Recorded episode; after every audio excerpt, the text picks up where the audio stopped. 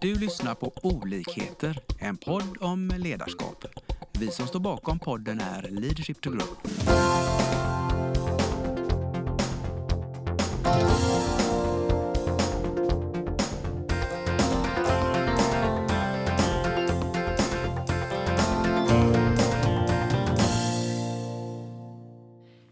Välkomna till dagens avsnitt. Vi som eh, samtalar idag är Nicole och Annika och vi tänkte prata lite kring tid. Tid är ju någonting som eh, många upplever att vi har för lite av. Eh, vad har du för tankar kring det, Annika? Ja, det finns ju mycket man kan säga om det här med tid. Vi har allihopa lika mycket tid, till exempel. Mm. Eh, och vi kan ha, också ha väldigt mycket olika upplevelser av tid. Och hur vi använder den. Och för en del personer så finns det, har de känsla av att eh, det är oändligt. Det är mycket tid och det är lugnt och fint. Medan andra eh, upplever att det finns alldeles för lite tid och, är, och det är en stressfaktor, tiden. Så upplevelserna är olika. Precis. Och vi har ju 24 timmar om dygnet. Det är det vi faktiskt har. Och ehm, har vi då fler saker som vi vill få gjort utan att ta bort så det är klart att då kan ju det bidra till den här stressfaktorn som du pratar om där. Och ehm,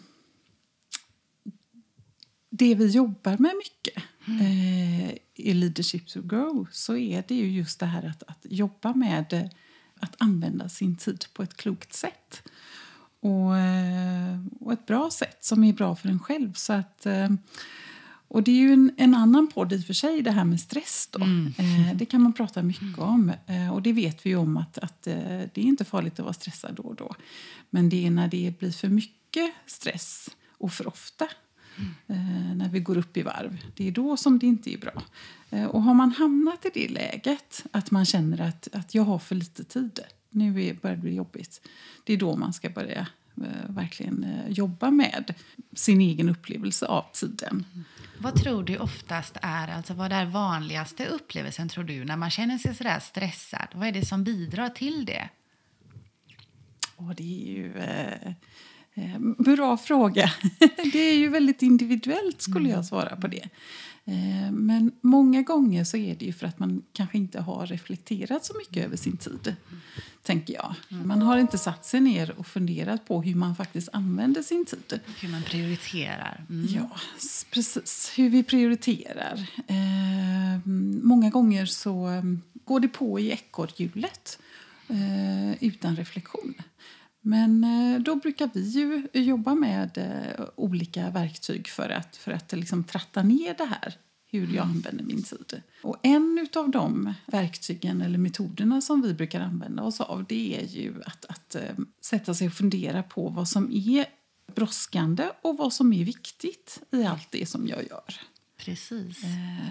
För när jag har jobbat i, den, i det verktyget lite grann så blir bilden klar över att det finns saker som, som jag faktiskt gör eh, och använder tiden till som kanske inte är viktigt för mig egentligen men jag gör kanske som alla andra gör. Eller jag, ehm, och och är, hittar jag saker där som inte är så viktiga ja, men då kan jag faktiskt plocka bort dem. Kanske ska prioritera bort dem. Ehm, och likadant att ibland så har vi ju en tendens att göra att vi, vi, vi upplever att det är brådskande men när vi väl tänker efter så kanske det inte är så bråttom i alla fall. Precis. Att helt enkelt eh, bli bättre på att prioritera, sortera vad vi behöver göra först i första steg. Eh, som också eh, öppnar upp för möjligheter att planera desto mer. Eh, det som man eh, har som nästa eh, action till exempel. Ehm, och det bidrar ju då, som du säger där med stressen, att eh, sänka stressnivån, bli desto mer effektivare. Vad tror du eh, är det största hindret innan, att, alltså innan man kommer dit? Är det så att eh, du pratar om reflektion där? Ehm, är det viktigt att man då tar också det här eh, helikopterseendet och, stud- och studerar helt enkelt sin egna tid, sina eh, aktiviteter under en dag? Eh, skulle det hjälpa, tror du? Absolut, det är ju till god hjälp.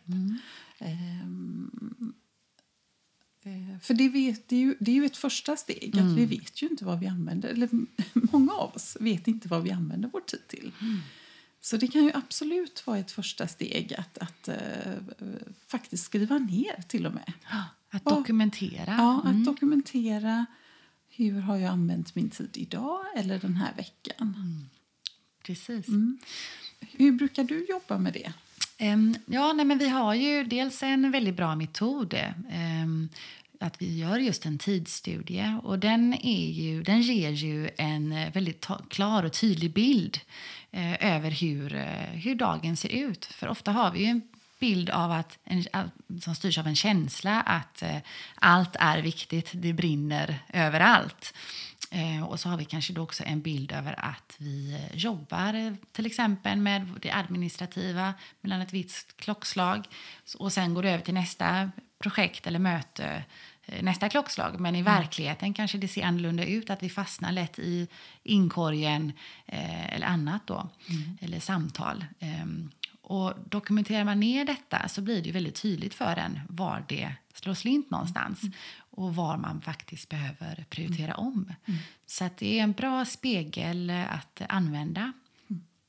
Och en, en, en spaning där är ju att många av dem som, eller du som lyssnar på detta, eh, har kanske, känner att du mm, eh, blir avbruten utav, jag säger avbruten här för det kan ju vara det som är upplevelsen ibland, att du blir avbruten utav din personal eller den avdelningen Precis. eller, eller eh, att du inte är chef över din egen tid.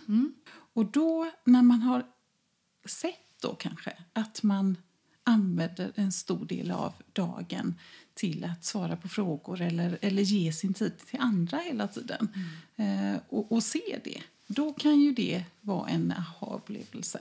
Eh, eh, och också en fundering. Vad gör jag nu åt detta? Eh, hur, hur, ska jag, hur ska det inte bidra till min stress utan hur ska jag hantera detta på ett sätt som gör att, eh, att det känns bra? Och sen också, när jag nu får då, eh, frågor från personal, om vi nu har det som utgångspunkt.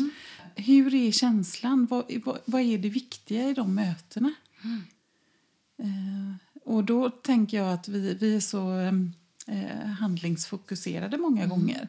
Eh, så att vi kanske inte ser. Vi, vi, vi tänker att vi, vi blir, av, blir avbrutna tio gånger. Eller 210 gånger på en dag. Utan att kanske se eh, vad det är som händer i de mötena. Och om vi är medvetna om det så kanske vi också kan styra in oss på, på, på det sättet som vi vill att de mötena ska bli.